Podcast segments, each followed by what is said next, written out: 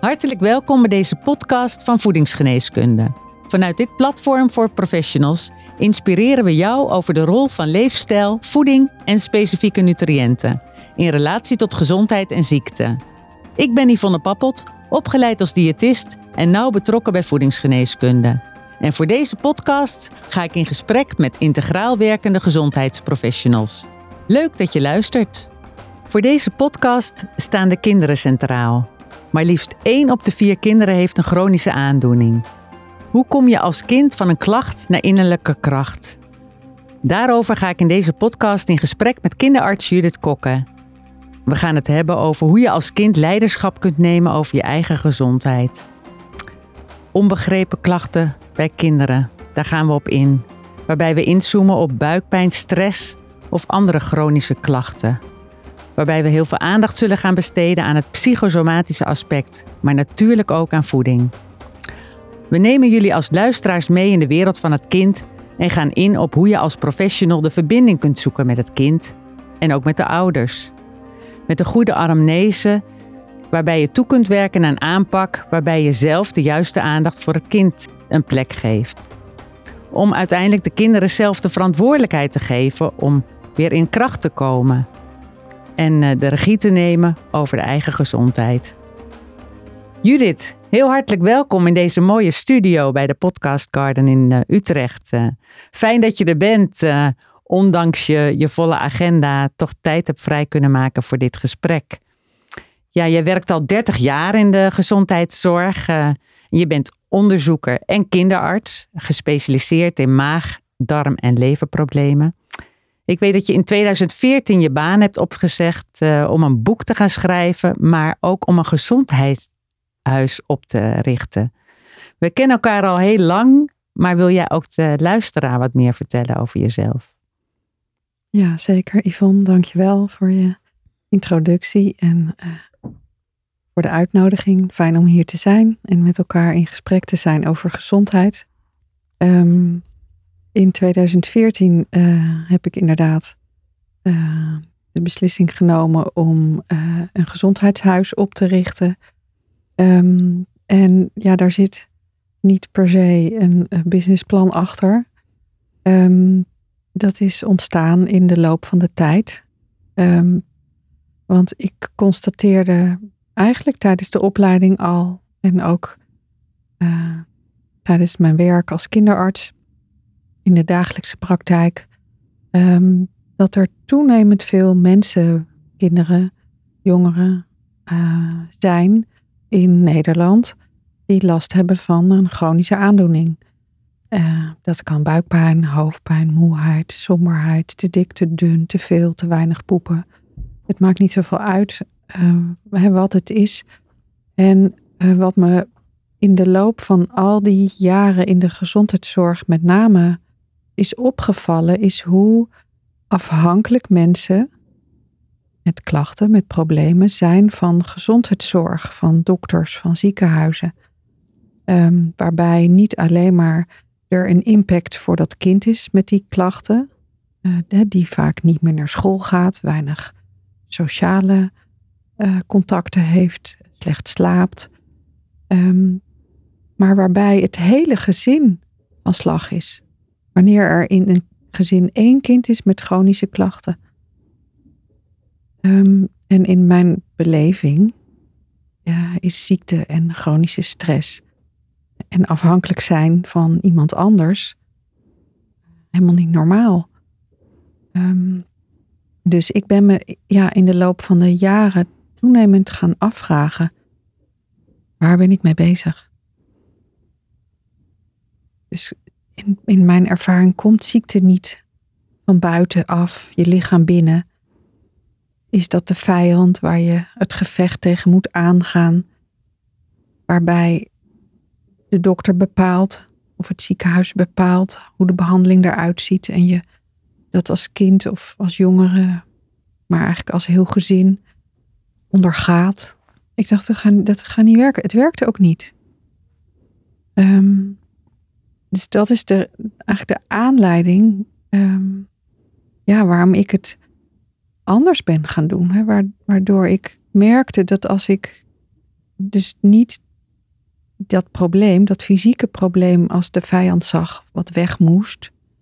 Maar wanneer ik de klachten of problemen includeerde, dus erbij haalde en er een gesprek ontstond uh, over niet alleen maar de klacht of het probleem, maar over het hele mens, het hele gezin, ja, dan gebeurden er zulke mooie dingen. Um, want wat er dan ontstond is dat, dat er bewustwording ontstond.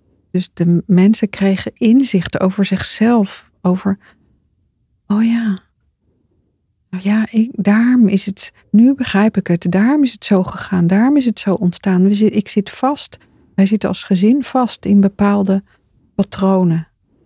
Ehm, dus ik ben veel meer uh, gaan coachen qua leefstijl dan problemen gaan fixen. En natuurlijk heb ik daar veel onderzoek naar gedaan. Hè, om, om, om ook aan mezelf te bewijzen dat uh, yoga en meditatie bijdragen aan gezondheid. Hè, want je, zoals je weet ben ik daarmee begonnen in een tijd waarin dat not dan was om daarover te spreken. Zeker niet als dokter en zeker niet om daar onderzoek naar te gaan doen. Uh, en, en nu leven we in een tijd hè, waarin dat heel bespreekbaar is en uh, heel normaal is. Uh, ja, maar, maar zo is het eigenlijk gegaan. Ja, en mooi dat je daar nu ook een eigen kliniek voor hebt uh, opgericht. en daar met jouw werkwijze aan de slag kan gaan om die kinderen te helpen. En je bent ook net terug van een reis naar India om ook ja, te leren over andere geneeswijzen en zienswijzen. En hoe, hoe heb je dat daar ervaren? Kun je daar iets over vertellen? Ja, zeker. Nou ja, de aanleiding om, om dus in 2014 als het ware mijn goede baan op te zeggen um, en, en, binnen enkele weken een boek te schrijven en, en een gezondheidshuis te gaan creëren, is dus niet vanuit verzet um, dat de, de gezondheidszorg zoals die er nu is niet goed is is meer vanuit ja, dat, ik, dat ik het niet meer anders kon dan, dan het gaan creëren. Uh, dus, ehm, en, in mijn eigen leven heb ik me op heel veel verschillende momenten afgevraagd ja, wie ik zelf ben. Uh, hoe het toch kan dat ik zo intuïtief ben. Uh, wat helemaal in de hele opleiding tot dokter helemaal geen aandacht kreeg. Ik heb wel eens tijdens een examen aan een hoogleraar gevraagd. Dat examen ging over hersenzenuwen. En ik stelde hem de vraag, maar welke hersenzenuw heeft dan invloed op je intuïtie? Nou, die man die schold me uit, die werd laaiend. Ik kreeg echt een één en ik moest oprotten. En ik dacht, oh, oh was niet echt een goede vraag voor me. Heftig verhaal, ja. Um, maar ja, maar toch is dat zeg maar wel mijn eigen kompas in mijn leven. En hè, dus mijn reizen over de hele wereld en mijn zoektocht naar, nou ja, wat is er dan nog meer behalve uh, de wetenschappelijke, eigenlijk allopathische vorm van geneeskunde, die helemaal prima is uh, in Nederland en in, heel West-Europa. Ja, ben ik gaan leren eigenlijk over andere zienswijzen. En ja, dat is de reden waarom ik uh, eigenlijk ieder jaar wel een keer naar India ga om, om zelf meer te leren. Um, en ook om bij te dragen aan holistische gezondheidszorg daar. Hè, want daar zijn de mensen net zoals wij uh, uh, over het algemeen ja, bezig met fixen van van alles. ja. en, en aan de andere kant vind ik het een verademing om te zien hoe zeker als je in het, zeg maar, de middle of nowhere bent daar, ja, hoe relaxed die mensen zijn. Daar kunnen wij nog wat van leren. Ja. Hier in Nederland. Ja, zeker. Ja, mooi.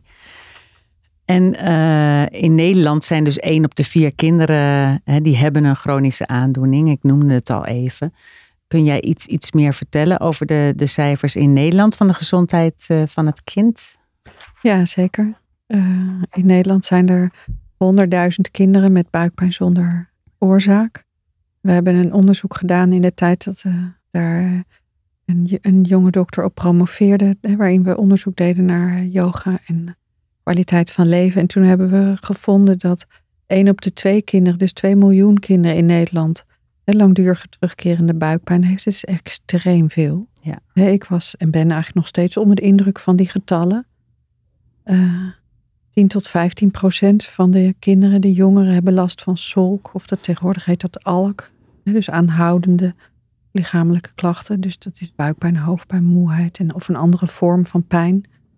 Ehm, er zijn heel veel psychische, psychosomatische klachten. Uh, bijvoorbeeld astma uh, is net zoveel als chronische buikpijn. Dus ook 100.000 kinderen in Nederland. Uh, eczeem. In Nederland hebben 400.000 mensen last van eczeem. ja, wat ik net zei, psychische klachten, dus somberheid, depressie, komt enorm veel voor. en zeker waar we door COVID mee geconfronteerd zijn, is uh, is eenzaamheid van mensen en is misbehandeling. Dus misbruik, wat, hè, wat best wel hoge cijfers heeft in zo'n klein land als Nederland waar wij wonen. Ja. Dus ja, de getallen die liegen er niet om. Dat kun je zeggen. En hoe verklaar je die veelheid van, van die ehm. onverklaarbare klachten? Nou ja, mogelijk heeft het. Dus ik denk dat het voor een deel bewust worden is. Dus dat wij zelf meer bewust worden als gezondheidszorgprofessionals of als mens. Ja. dus dat we meer leren wie we zijn en dat dat meer is dan alleen maar een lichaam. Ehm, aan de andere kant uh, denk ik dat we ook steeds meer last hebben van onze eigen gecreëerde maakbare samenleving. dus we hebben ook allemaal geleerd om als er een probleem is, internet op te gaan en te zoeken wat het kan zijn, naar een expert te gaan en het te fixen en weer verder te leven. Ja. Dat is heel begrijpelijk. Ehm, en als ik naar mijn eigen leven kijk, zit ik ook niet per se te wachten op problemen of over tegenslag. dus het is heel menselijk uh, om, om van gedoe af te willen.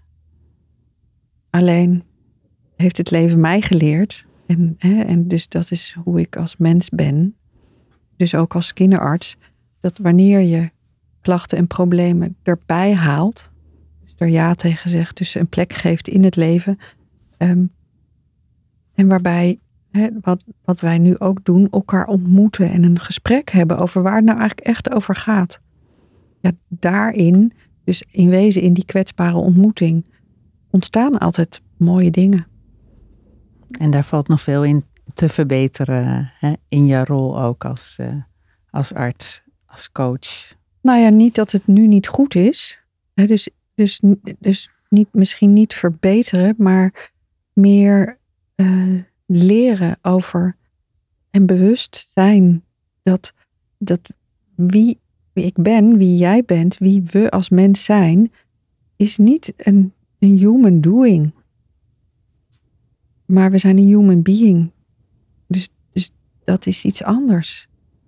Dus dat betekent dat, dat we een binnenwereld hebben die, als je niet oppast, de hele tijd de focus heeft op de buitenwereld. Of op andere mensen. Of op rollen. Of op wat dan ook. Uh, en mogelijk is, is dat een cruciale factor in, um, in het leren over waar leven over gaat. mogelijk is 50% van het leven is fijn en 50% van het leven is niet zo fijn. Dus daar mogen we ons toe leren verhouden. In plaats van alleen maar uit zijn op persoonlijke ontwikkeling en geluk als doel te hebben.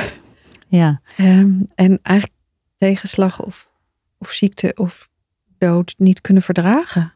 En kun je de luisteraar als, als gezondheidsprofessional ook nog tips meegeven om hoe je tot die binnenwereld ook doordringt? Hè? Nou ja, dat is een proces wat niet per se een aan- en uitknop heeft. Dus, dus leefstijl is nu een woord wat inmiddels bijna wel iedereen kent. Dus dat is een mooie kapstok. dus, dus wanneer iemand begint aan zijn proces van bewust worden, dan gebruik ik leefstijl. Dus wat is leefstijl? Dat is de manier waarop je met je lichaam omgaat, waar, de manier waarop je eet en drinkt, de manier waarop je denkt, de manier waarop je voelt, de manier waarop je omgaat met andere mensen, de manier waarop je slaapt. Is rust een toegestaan onderwerp in je leven of is het alleen maar go, go, go, go, go, meer moeten doen, bezig zijn en um, dus wanneer je je gaat leren over je eigen batterij, dus ik noem je binnenwereld eigenlijk je batterij, is die, is die vol of is die leeg? En als die batterij leeg is, wat kun je dan zelf doen? dus dat is weer het haakje naar de chronische klachten. dus naar mijn rol als kinderarts. Dat is wat ik de hele dag doe. In wezen alleen maar kijken. Maar wat kun je zelf doen? Dus wat wil je het liefste? En wat is dan een stap die je vandaag kunt zetten? Bijvoorbeeld als het gaat over overgewicht. Oké, op een gegeven moment raak je, als je veel last hebt van stress, uh, verslaafd aan fastfood. Wat nu, je al zei, een heel actueel onderwerp is. Ehm, en het gaat erom dat je het gaat herkennen. Dus dat je als het ware je eigen verslaving aan, ik heb dat nodig om me goed te voelen, uh, gaat over niet kunnen verdragen van een momentje even niet zo goed voelen. En alle, maar alles komt en gaat. Dus op het moment dat je met iemand die je begeleidt, en of dat nou iemand is uh, die veel verstand heeft van voeding, of iemand is op een sportschool, of iemand is een coach of een dokter, of het maakt eigenlijk niet of iemand in je eigen familie. Maar op het moment dat wij weer de menselijke verbinding aangaan met elkaar en elkaar ondersteunen, ja, dan, dan gaat, gaan mensen leren. Ik leer echt iedere dag van wat ik doe, van wat er is. En op het moment dat ik dat toesta, wordt het leven ook steeds leuker. ondanks dat er ook gewoon stomme dingen zijn. Dus zo betekent eigenlijk uh, je bewust worden over stress, je bewust worden over wat je kunt doen voor je eigen gezondheid, van je lichaam, van je darmen, Ehm, ja, dat je daar aandacht voor gaat hebben. Ja, en je, je gaf in het voorbereidende gesprek ook aan dat je daarbij werkt met een voedingsdagboek ook, hè? Ja. Ja, dus bij, uh, voordat ik zeg maar een kind, een gezin het als eerste op het spreekuur zie, en dan krijgen ze al een voedingsdagboek thuisgestuurd wat ze kunnen invullen, omdat het enorm veel informatie geeft. Ten eerste voor het gezin zelf, dat je leert wat eet ik nou eigenlijk over de hele dag. Dus als je het opschrijft, kan heel confronterend zijn. Als je dat in alle eerlijkheid opschrijft. En, uh, en bovendien uh, is het een onderwerp waarover in het, dus het eerste bezoek hè, van een gezin met klachten er veel tijd en aandacht aan wordt gegeven. Niet om adviezen mee naar huis te krijgen, maar hè, dus ik probeer eigenlijk zo min mogelijk advies te geven. Want hoezo zou, ondanks dat ik al lang in de gezondheidszorg werk, maar hoe zou, hoezo zou ik het beter weten? Um, dus ik heb zelf in wezen ook best wel een hekel aan mensen die ongevraagd advies geven. ja. dus, Maar als je, als je kennis en wetenschap deelt, zonder advies, en je leert over hoe het werkt, dus dat je begrijpt dat suiker en witte bloem en fastfood, wat dat doet, zeg maar, met je cortisol, wat het doet met bruine vetcellen in je buik, zodat je begrijpt hoe de vorm van je lichaam is ontstaan. En als je daar zelf maar genoeg van baalt, dan raak je als het ware intrinsiek gemotiveerd om daar een, hè, iets aan te gaan doen. Dus om daarin een andere keuze te gaan maken. Dus dat is eigenlijk de manier. Dus meer de verbinding hebben met een gezin dan, nou dit is niet goed en dat is niet goed. Ja, dat gaat volgens mij op de lange termijn gaat het niet werken. Nee, vanuit de verbinding de juiste informatie geven om ze uiteindelijk zelf de conclusies uh, te laten nemen. Om, uh, ja, dan kun je ja, kiezen wat mogelijk, wat mogelijk is. dus ik kan wel zeggen, wit brood is voor de eentjes, daar kan je beter niet zelf opeten. Maar als er in een gezin met zes mensen, vier mensen zijn die nou eenmaal iedere dag wit brood eten, dan is het een nutteloos advies. Dus het is belangrijk om ook informatie te hebben over hoe het gezin eruit ziet. En, en ook over uit wat voor gezin de ouders komen. Dus als je al zes generaties op een rij wit brood eet. En je gaat naar een diëtist en die zegt: nee, wit brood mag echt niet. Ja, dan is dat niet per se uh, onderwerp waar je veel uh, succes mee gaat halen. niet te veel de focus op moet leggen. Nou, je kunt het benoemen wat het effect ervan is. Dus ik geloof wel in, het, in een heel open, eerlijk gesprek waar uh, feiten in gebruikt worden. Maar, maar alleen maar benoemen wat allemaal niet mag, dat werkt over het algemeen niet motiverend. Dat is duidelijk. En het voedingsdagboek geeft uh, ja, al veel informatie op basis waarvan je dan het gesprek aan kan gaan, zeg maar.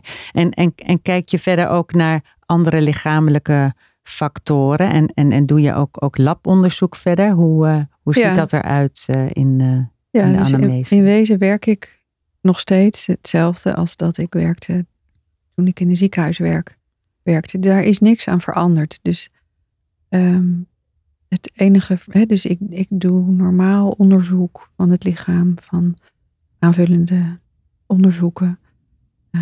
ik probeer zoveel mogelijk fysieke oorzaken van de klachten uh, uit te sluiten of te stellen. Um, omdat helderheid uh, duidelijkheid geeft. He, dus diagnose krijgen kan heel helpend zijn.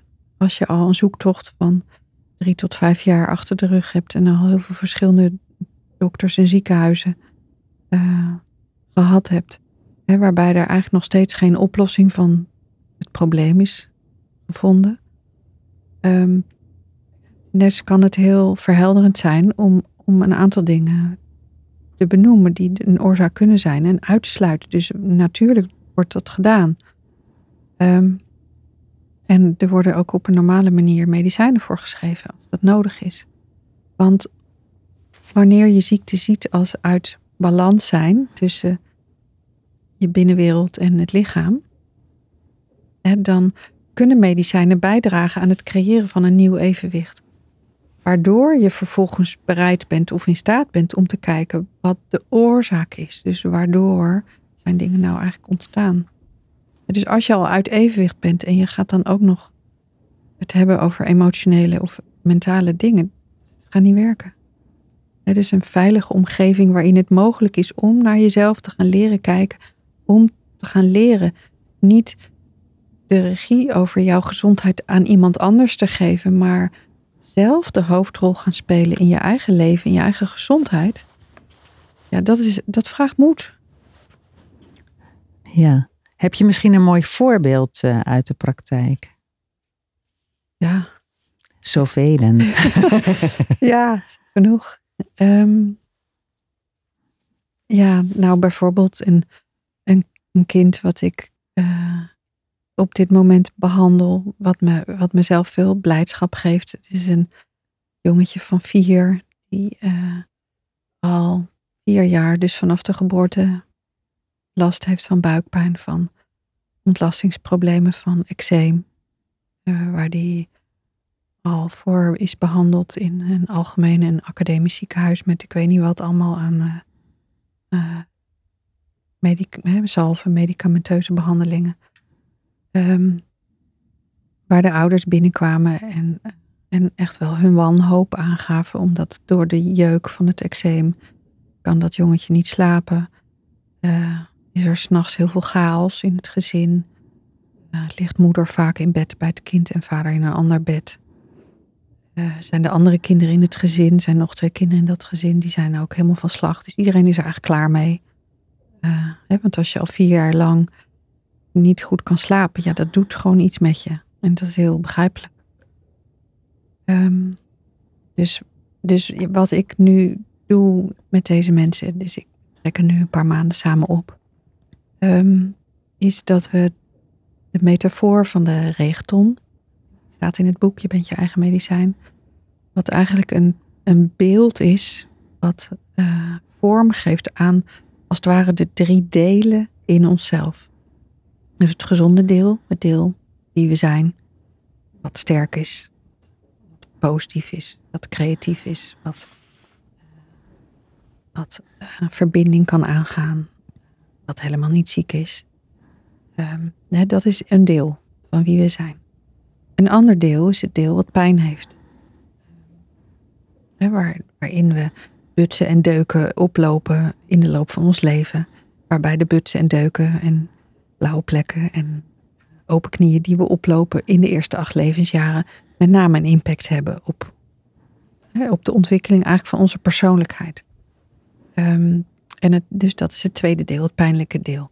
Ik heb niet alle men, 8 miljard mensen van deze aarde ontmoet, maar mogelijk uh, geldt dit model uh, voor ieder mens. Dus dat is het tweede deel. Het derde deel is eigenlijk je overlevingsmechanisme. Dat zijn je verdedigingsmannetjes, je soldaatjes. Die je dus ontwikkelt als reactie op pijnlijke omstandigheden en uh, klachten en problemen. Die je helpen om verder te kunnen. Maar die ook ervoor zorgen dat die pijnlijke delen in jezelf, dat die in je onderbewuste geheugen terechtkomen. Dus waardoor ik dus niet weet wat ik uitzend aan energie aan anderen, die voor jou misschien heel goed zichtbaar is. Leg dat zo goed uit? Ja, misschien kun je het nog even vertalen naar hoe je dat dan aanpakt, ook bij, bij dit kind met buikpijn. Het, ja, hè, dus, maar de dat, indeling is inderdaad duidelijk. Hè, dus die, die metafoor is als het ware um, het, het uitgangspunt van de behandeling. En op het moment dat we het dus niet zijn gaan kijken hoe we dat eczeem en die buikpijn wegkregen, maar op het moment dat we met die drie delen, uh, dat die benoemd zijn, dat die op tafel kwamen, kwamen ouders zelf met, oh, maar tijdens de zwangerschap van deze jongen is er een familielid heel erg ziek geworden en overleden uiteindelijk. Dus er is extreem veel stress geweest tijdens de zwangerschap. Vanaf de geboorte hè, tot aan nu, dus vier jaar lang, is er heel veel stress in het gezin.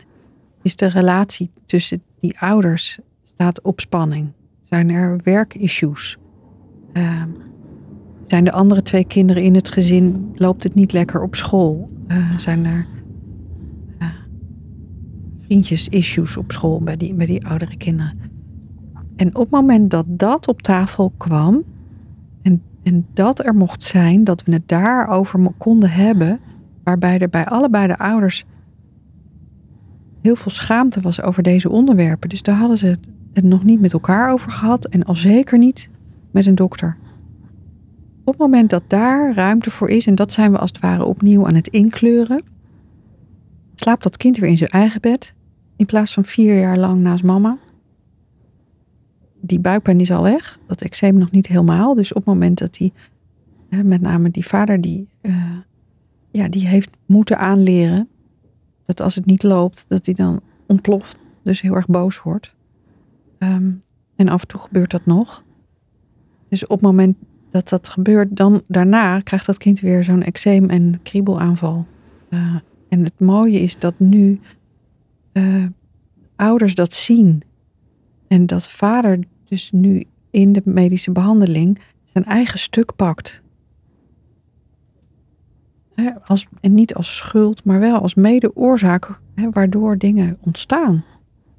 Omdat we, ja, omdat als we van generatie op generatie onmacht niet kunnen verdragen en als enige manier leren om dan maar te ontploffen en boos te worden, Uiteraard gaat dan een kind dat op dezelfde manier doen. Want, want wat je leert, hè, wat je wordt voorgedaan, dat ga je ook maar doen. Dus dat is wat we eigenlijk, hoe wij opgroeien. We doen, we kopiëren wat we als voorbeeld krijgen.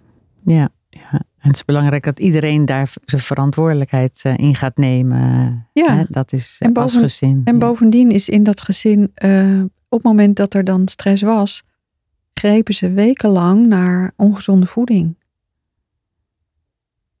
Um, en nu zijn we aan het kijken hoe we stapjes kunnen zetten dat ze simpel, maar wel puur zelf eten gaan maken. En wat dat voor invloed heeft op hoe de ouders zich voelen en hoe hun drie kinderen zich voelen. En in het bijzonder dus wat het effect is op de buikpijn, op de poepproblemen en op het eczeem van dat kind.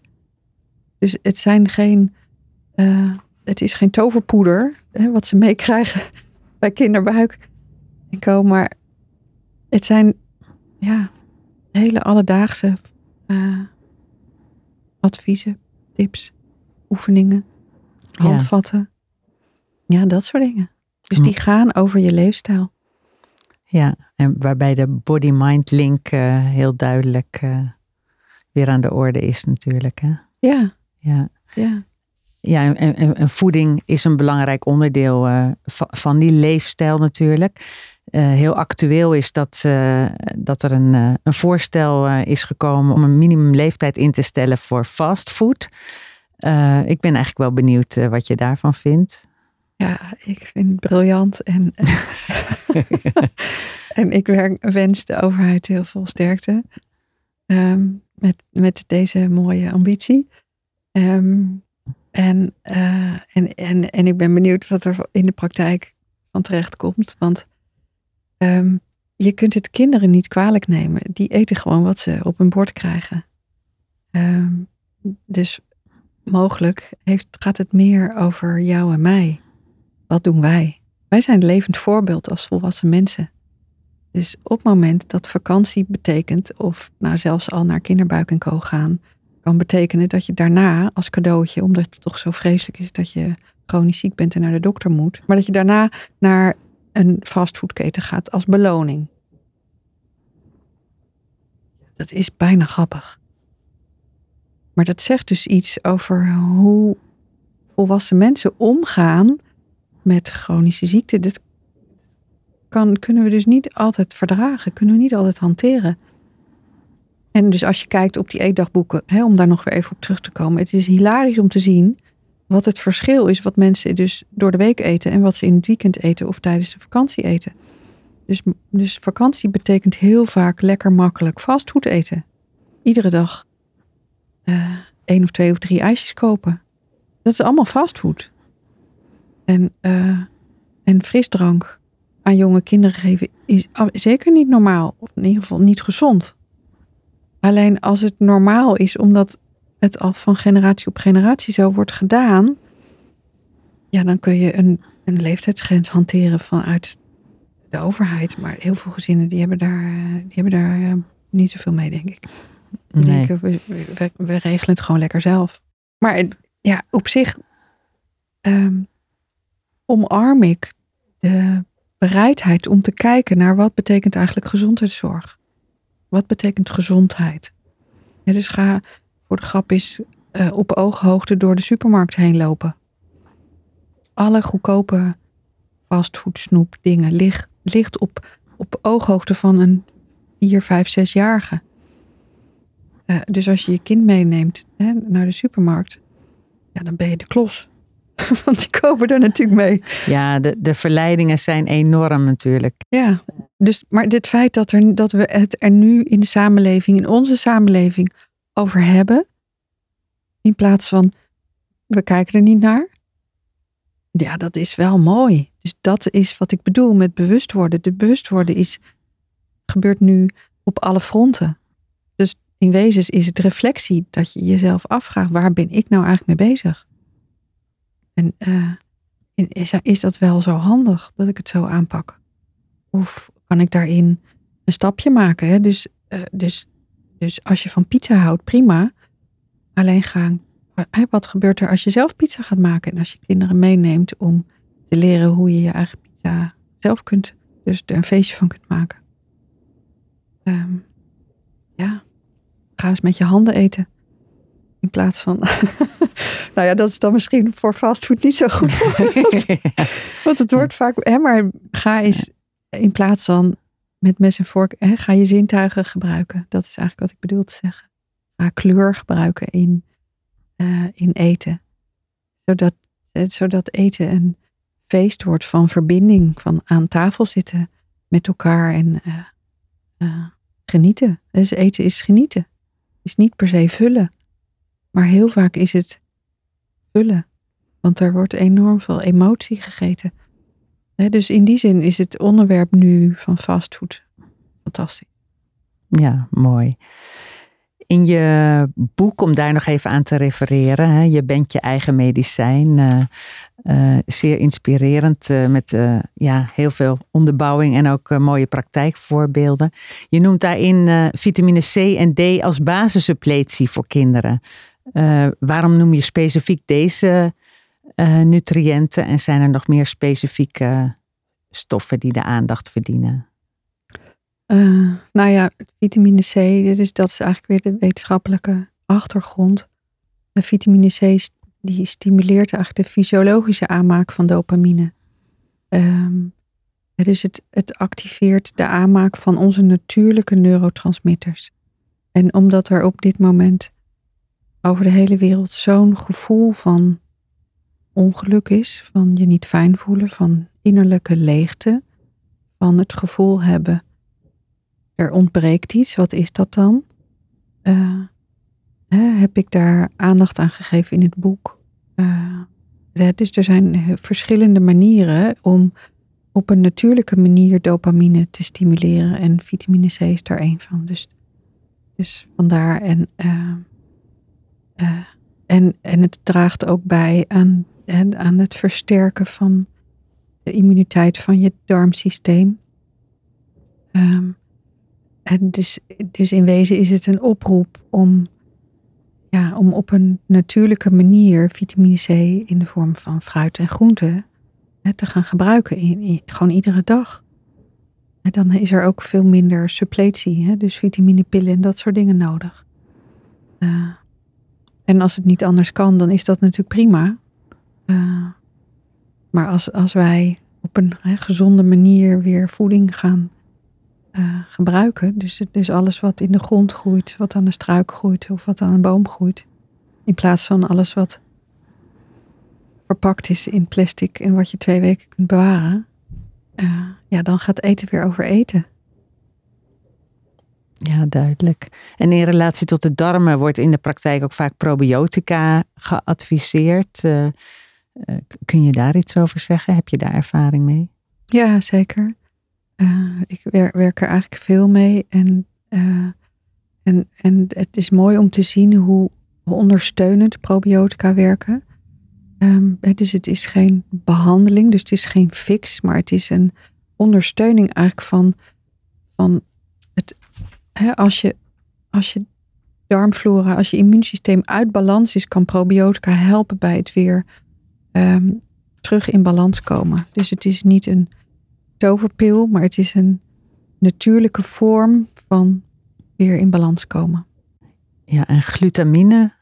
Ja, dat kun je ook gebruiken Um, zeker als er sprake is van chronische stress. Hè, bij chronische aandoeningen is er vaak chronische stress. Ook over, maar waarom kan ik dan toch niet naar school? Waarom heb ik zoveel klachten? Waarom slaap ik slecht? Waarom voel ik me somber?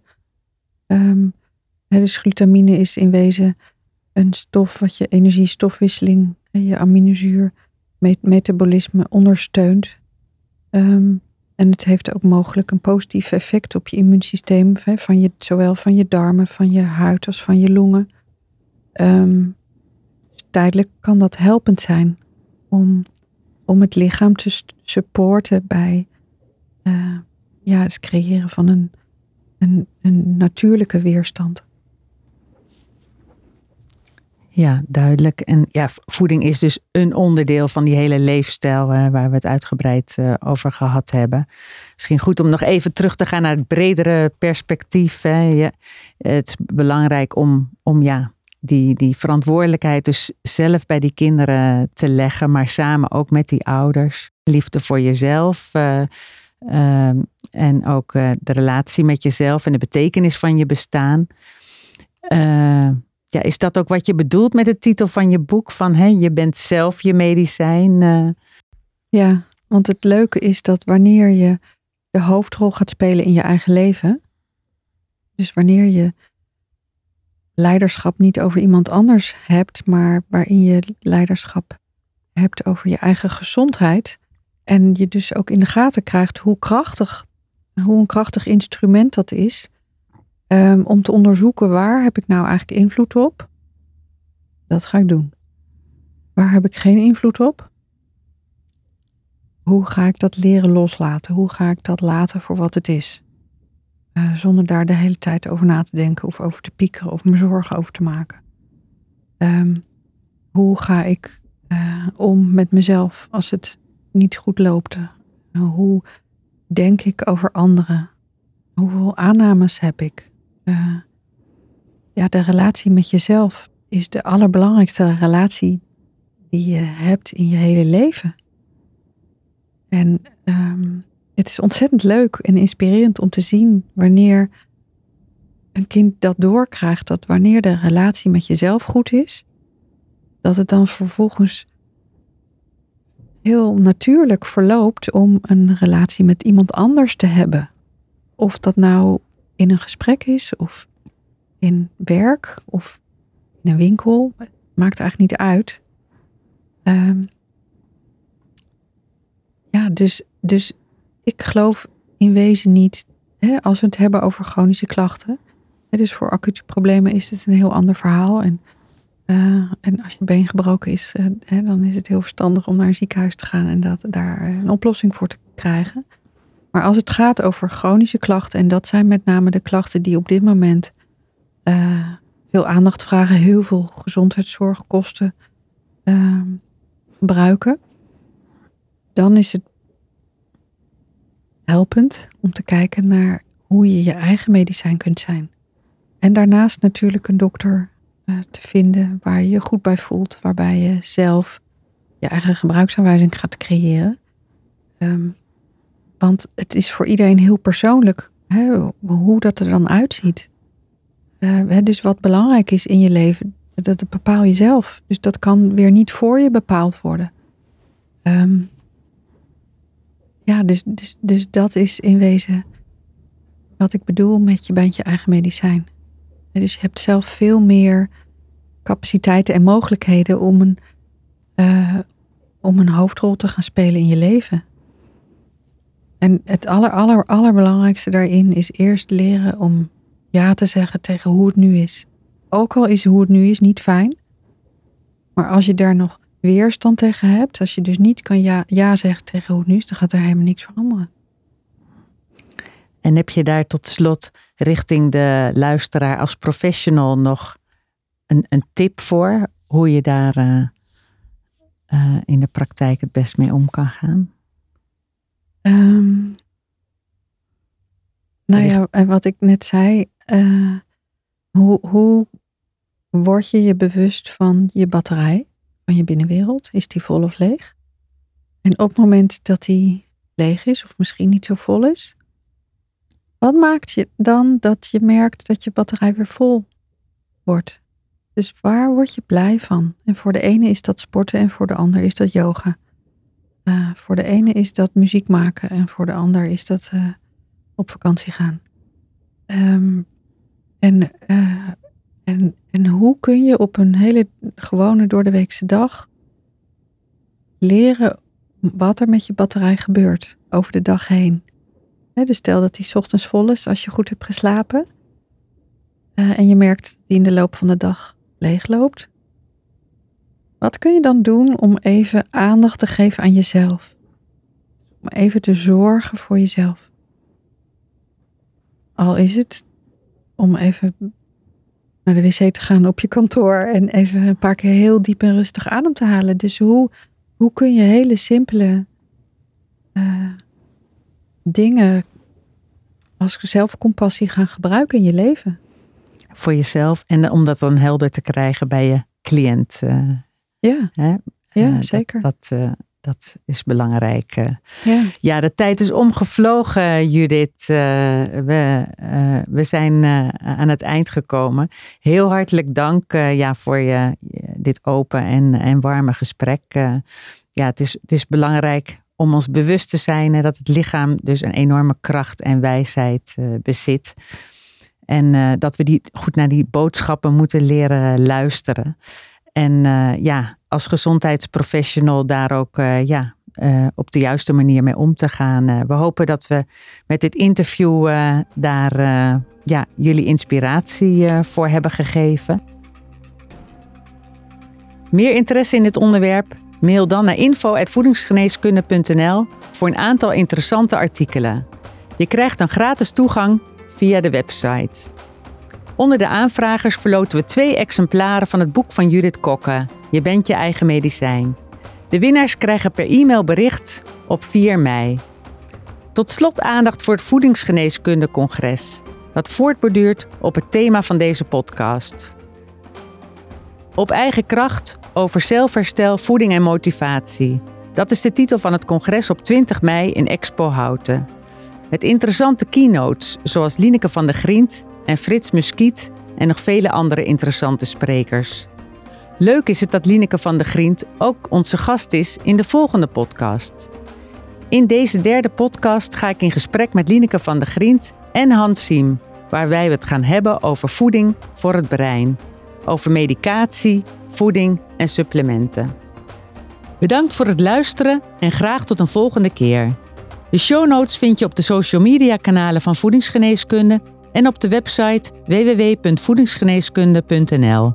Daar informeren we je ook over de nieuwe onderwerpen van de podcasts. De informatie in deze podcast is met de grootst mogelijke zorgvuldigheid samengesteld voor gezondheidsprofessionals. De uitgever aanvaardt geen aansprakelijkheid voor eventuele schade ten gevolge van het gebruik van de informatie in deze podcast. De geboden informatie kan niet worden beschouwd als vervanging van een consult of een behandeling.